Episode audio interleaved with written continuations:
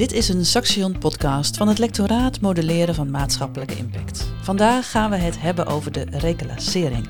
De reclassering heeft als belangrijke taak om herhaling van strafbaar gedrag te voorkomen. En dit doet zij door middel van advisering, toezicht, gedragsinterventies en werkstraffen. Daarbij werken ze samen met justitie, zorginstellingen, politie, gevangeniswezen en gemeenten. En vandaag gaat Michel Linnenbank in gesprek met Anouk over de theorie achter de typologie van reclasseringscliënten. Welkom Anouk bij deze podcast. We hebben eerder een podcast opgenomen over de typologie van reclasseringscliënten. En vandaag willen we eigenlijk wat meer daar de diepte ingaan en over de theorie achter die uh, typologie. En als ik het goed begrepen heb, liggen daar drie pijlers onder. Welke drie pijlers zijn dat? Dat zijn de pijlers individuele readiness to change, contextuele readiness to change en strafbaar gedrag. En dat is eigenlijk een combinatie van recidive, risico en uh, gedragsverandering. Dus we hebben geprobeerd om die elementen eigenlijk samen te pakken en in één typologie te vatten. Ten einde niet alleen maar te kijken naar wat heeft iemand in het verleden meegemaakt, maar ook wat is er nu nodig om tot gedragsverandering te komen. Dus die gedragsverandering is een belangrijk element onder die typologie. Absoluut, want uiteindelijk willen we de waarde van reclasseren in kaart brengen.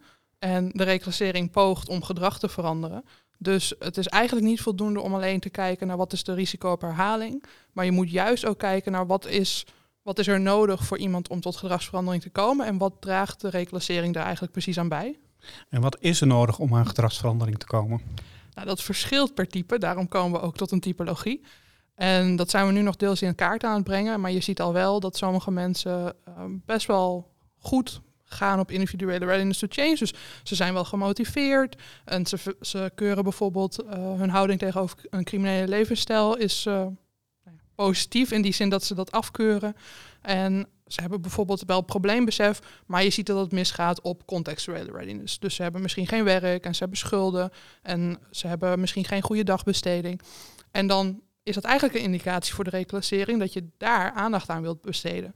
Terwijl je misschien bij andere types ziet dat die context is wel prima. Mensen hebben werk, mensen hebben gewoon een stevig sociaal netwerk, maar zien bijvoorbeeld het probleem niet echt van hun gedrag op dit moment. Dus zijn niet echt gemotiveerd om te veranderen, uh, komen ook lastig tot verandering, gaan misschien ook slecht om met tegenslagen. Dus dat vraagt eigenlijk heel wat anders. En daarom is het zinvol om verschillende typen te onderscheiden en vervolgens ook in kaart te brengen van wat doet de reclassering bij ieder type en wat levert dat dan precies op?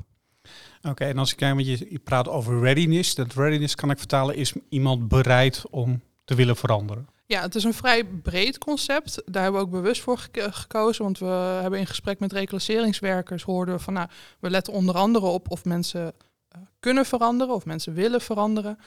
Uh, maar we letten ook op, ja, op stukje motivatie, stukje intelligentie. En er zitten eigenlijk heel veel elementen onder die bijdragen aan hoe makkelijk iemand tot gedragsverandering zal komen. En we hebben ook best wel lang nagedacht over, nou, wat, hoe, hoe vat je dat eigenlijk in één term, in, in één woord of in één concept. En je komt heel veel uit op motivatie en op responsiviteit. En dat zijn eigenlijk elementen van readiness to change. En uiteindelijk hebben we uh, een studie gevonden van mensen die daar wat meer op ingaan. En die zeiden van ja, door voor readiness to change te kiezen, um, kies je eigenlijk voor een iets breder onderliggend concept en herken je dat er factoren zijn in het individu en factoren in de context die al dan niet bijdragen aan iemands gedragsverandering en iemands wens om te veranderen en iemands, nou, of iemand kan veranderen. En welke factoren zijn dat dan? Hoe bedoel je? Uh, nou ja, als iemand uh, wil veranderen, uh, welke factoren spelen daar een rol bij of welke factoren beïnvloedt dat?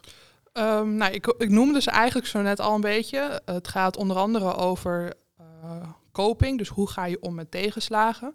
Hè, de ene persoon uh, lost het op door gewoon echt iets concreets te gaan doen om het op te lossen. De andere persoon uh, heeft een emotiegerichte coping, noemen we dat. Dus die zit veel meer in zijn hoofd en probeert het te verwerken uh, door die gevoelens te ervaren. Um, en de ene coping is positiever of is, is gunstiger voor iemand dan de ander. De ene is heel constructief in het oplossen van een probleem. Terwijl er ook varianten zijn die soms helemaal heel tegendraads kunnen werken. Dus iemand gaat bijvoorbeeld drinken om, om uh, boosheid of verdriet te verwerken. Of uh, iemand gaat heel hard het feestleven in. Of iemand wordt heel erg boos en kan eigenlijk alleen maar die boosheid ervaren. Nou ja, dat zijn dan manieren waarvan je zegt, nou dat is eigenlijk niet behulpzaam ten, nou ja, voor de oplossing. Ehm, dus je hebt copingen die we eigenlijk labelen als dat zijn goede manieren om met een probleem om te gaan. En je hebt copingen die nou ja, zo-zo zijn. Dus soms werken ze en soms werken ze niet. En je hebt manieren, bijvoorbeeld je continu bezatten op het moment dat iets verkeerd gaat. Daarvan zeggen we nou, hè? er zijn betere manieren om om te gaan met tegenslagen in het leven. Um, andere factoren waar we onder andere naar kijken zijn houding. Dus de houding ten, op, ten opzichte van een criminele levensstijl. Dus vind je het problematisch um, dat je op dit moment in de criminaliteit zit? Of hè, ben, je daar, vind, ben je daar oké mee of niet? Dat zegt vaak ook al iets over is iemand zo meteen bereid om te veranderen? Kijk, als je er geen probleem ziet, waarom zou je er dan wat aan gaan veranderen? We kijken ook naar houding ten opzichte van conventionele doelen. Dus hoe belangrijk vindt iemand het om een zogenaamd burgerlijk leven te hebben? Dus eigenlijk je, je, bijna je standaard doelen, om misschien een, een, partner te vinden, om een goede baan te vinden, of eigenlijk gewoon nou ja, te doen wat het gros van de Nederlanders doet. Um, even kijken, we kijken ook naar probleembesef. Dat hangt heel erg samen met deze factoren. En dat is, maar dat is meer van hoe goed ben je in staat om te zien wat er misgaat in je leven. Um, en dat, dat is wel ongeveer wat we onder individuele readiness uh, bevatten. En contextuele readiness gaat dus echt veel meer over in hoe welke mate je context meewerkt. Um, dat gaat onder andere over heb je werk, heb je inkomen, heb je uh, vaste, vast dagbesteding, vast huisvesting. Uh, hoe sterk is je sociale netwerk? Kunnen, jou die, kunnen die jou ondersteunen op het moment dat iets misgaat? En dat is eigenlijk gezamenlijk de readiness to change. Maar we, we hebben er twee pijlers van gemaakt, omdat je gewoon toch ziet dat soms mensen eigenlijk nou, in, in hun persoon zelf nog best wel wat te veranderen hebben en waarbij het in de context op orde is. En andersom, waarbij er in de context eigenlijk gewoon heel veel misgaat, maar ten aanzien van de individu uh, iemand wel degelijk bereid is uh, om te gaan veranderen. En is het dan ook, uh, althans ik kan me goed voorstellen dat de context doorgaans misschien wat makkelijker op te sturen is dan op het individu? Nee, net andersom denk ik. Context bevat factoren die wel te veranderen zijn, maar die soms best wel een lange adem vragen. Als je kijkt naar bijvoorbeeld het huisvestingsprobleem in Nederland, het duurt gewoon heel erg lang voor je een betaalbare woning vindt. Dus iemand kan wel een woning nodig hebben en je kunt iemand wel helpen bij het inschrijven en bij het vinden van een woning, maar aangezien het, het merendeel van de Nederlanders op dit moment niet lukt, uh, mag het ook, is het ook aannemelijk dat het ook niet per se direct lukt voor de cliëntpopulatie van de reclassering. Uh, hetzelfde geldt eigenlijk, nou ja, werk zou misschien in deze huidige economie iets makkelijker zijn, maar ook dat uh, is niet vaak van dag 1 op dag 2 veranderd. En sociaal netwerk vraagt bijvoorbeeld echt best wel wat werk om, uh, om daarin te sturen en mensen misschien andere, part, andere vrienden of andere contacten op te laten doen dan degene die ze al hebben. Dus ja, context is te veranderen, maar context is best wel complex en langdradig om, om iets in te kunnen veranderen. Terwijl in het individu zie je dat uh, motiverende gespreksvoering heel veel gebruikt wordt en dat kan soms heel veel doen.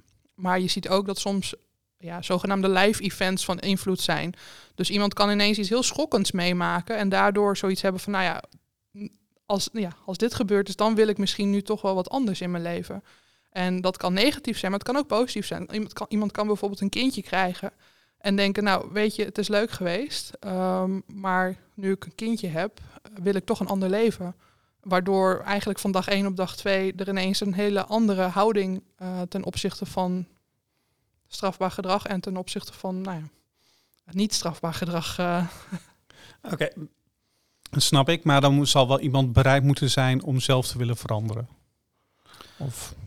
Er is altijd een basishouding van een individu zelf. Dus hey, je staat zelf op een zeker punt in je leven en je wilt al dan niet daarin verandering aanbrengen. Um, maar dat is niet iets statisch. En dat is ook iets waar reclasseringswerkers best wel wat in kunnen doen. Uh, meestal gebruiken ze motiverende gespreksvoering voor. En dat is een mooi woord om eigenlijk vooral iemand te helpen in te laten zien, dit is niet op de lange termijn houdbaar. Dit is niet wenselijk, dit is niet wat je wil. En uh, de ene is daar wat gevoeliger voor dan de ander. Uh, alleen we zien wel uit onderzoek dat het een van de meer, nou, meer effectieve varianten is die je kunt inzetten door mensen eigenlijk zelf te helpen laten inzien. Uh, het gedrag wat je op dit moment vertoont is niet het gedrag wat je eigenlijk zou willen vertonen. En hoe verhouden die twee pijlers dan tot de derde pijler, het strafbaar gedrag? Nou, die eerste twee pijlers gaan heel erg over gedragsverandering uiteindelijk en uh, wat daarvoor nodig is om daartoe te komen. En die derde pijler die gaat veel meer over het verleden. En die, neem, die nemen we mee omdat we gewoon in de theorie en in het onderzoek zien dat daar best wel veel bewijs voor is dat hetgene wat je in het verleden hebt gedaan toch iets zegt over wat je in de toekomst gaat doen. En dat is een hele akelige waarheid soms. Uh, maar dit, ja, dit is wel wat, uh, wat het onderzoek zegt. Dus we ontkomen er niet, niet aan dat je dat ook mee moet nemen. Je moet ook kijken naar wat heeft iemand tot nu toe gedaan en in hoeverre uh, draagt dat wellicht bij. Of is dat een goede voorspeller vooral voor het gedrag wat er in de toekomst plaatsvindt. En in, in welk geval is het een goede of een redelijk goede voorspeller? Um, nou ja, eigenlijk in beide uitersten is een goede voorspeller. Dus als iemand echt al heel erg veel op zijn kerfstok heeft, al heel jong begonnen is, uh, veel verschillende type delicten vertoont, dan is het de kans aannemelijk dat iemand dat in de toekomst weer gaat doen. In het andere uiterste, als je met iemand te maken hebt die tot dan toe eigenlijk helemaal geen problemen heeft ervaren, um, nog geen strafbaar gedrag heeft vertoond, et cetera, dus eigenlijk een first offender. Dat zijn ook mensen die soms inderdaad het criminele pad instromen, maar ook heel vaak gewoon weer uitstromen. Vooral als daar ook geen geschiedenis is in de qua jeugdervaringen en in de jeugdreclassering. Um, maar dan zit er een grijs gebied tussen. En dat grijze gebied is natuurlijk, ja, uh, het is niet zwart-wit. Dus dat, daarmee wordt ook de uitkomst wat diffuser. Sommige mensen stromen uit, sommige mensen stromen, uh, blijven wat langer in het criminele uh, pad zitten. En daarin zit natuurlijk ook een bepaalde nuance. Hè. Iemand kan uh, van hele heftige delicten naar, naar mildere delicten gaan. En dat is natuurlijk in, in die zin ook een verandering. Alleen in de cijfers zie je dan wel dat iemand uh, recidiveert. Ja, en als je dan kijkt naar je typologie, want er zijn 15 types, als ik het uh, nog goed heb onthouden. Klopt. blijkt dan de theorie of deze pijlers, blijkt dat dan ook echt de lading van alle cliënten die jullie ja, door in die types hebben gegooid ook dat zo te zijn? Of kunnen ze allemaal goed indelen? De mensen die wij, uh, waarvan wij inderdaad de risk hebben, die worden goed ingedeeld. En wat is de risk? Uh, de risk is het risicotaxatie-instrument wat gebruikt wordt door de reclassering. Alleen, uh, die wordt niet voor alle onder toezicht gestelden volledig ingevuld. En je ziet dat dat eigenlijk vooral wordt ingevuld op het moment dat er sprake is van een zaak en dat zijn vaak de iets zwaardere, um, zwaardere gevallen. Dus we missen eigenlijk in de huidige typologie een potentiële groep die wat aan de lichtere zijde zit. En ja, die gaan we met, in ieder geval met de huidige data, gaan we die er ook niet bij kunnen betrekken, omdat we daar gewoon letterlijk niet de gegevens van hebben. Uh, maar voor de mensen van wie we de gegevens hebben, uh, dekt de typologie de, de lading goed. En uh, zou jullie deze theorieën of deze theoretische basis uh, van de typologie ook kunnen gebruiken om wellicht uh, ja, betere maatwerk of betere behandelingen voor uh, cliënten of bepaalde typen te ontwikkelen? Ja, dat is uiteindelijk wel de, de grote wens. Ik denk dat daar nog wel wat werk ook in zit. Want eigenlijk spreek je daar dan bijna over een soort toekomstvoorspelling. Hè? In hoeverre kun je op basis van zo'n indeling ook zeggen van wat ga je doen en wat verwacht je daarvan? Nou ja, als je dat op een gegeven moment zou kunnen doen, is dat, is natuurlijk prachtig. Um, maar daar staan we op dit moment nog niet. Dus we hebben uh, de nodige gegevens die ons zo meteen in staat stellen om eigenlijk in de toekomst stiekem te kunnen kijken, omdat we werken met data van 2016. En we kunnen een paar jaar vooruit kijken naar hoe het iemand is vergaan in het leven. En zo kunnen we straks wel langzamerhand gaan toetsen van, goh, wat zijn gebruikelijke paden voor bepaalde typen? En wat vraagt dat dus ook aan inzet van de reclassering? Oké, maar voor nu hebben jullie gewoon een mooie theoretische basis om tot een indeling te komen. Om tot een indeling te komen, maar ook om tot een uh, vervolgens een MKBA op type niveau te komen. Omdat je eigenlijk, en dat kunnen we nu al wel doen, zijn we nu ook al wel mee bezig. We kunnen zo meteen eigenlijk heel duidelijk laten zien, er zijn een aantal groepen die meer kosten en meer inzet eigenlijk ook vragen. Um, en, er zijn, en vervolgens een bepaalde kant op bewegen in hun leven. En er zijn groepen die minder kosten en een bepaalde kant op bewegen. Dus je krijgt eigenlijk al een specificering van, het, nou ja, van de maatschappelijke kostenbaatanalyse die eerder gedaan is. Uh, kunnen we straks al specificeren op verschillende groepen. En dan wordt het dus ook makkelijk om de maatschappelijke meerwaarde te bepalen. Dan is het antwoord op de maatschappelijke meerwaarde uh, meer genuanceerd en meer specifiek dan dat die nu is. Oké, dankjewel. Dit was een Saxion podcast van het lectoraat Moduleren van maatschappelijke impact.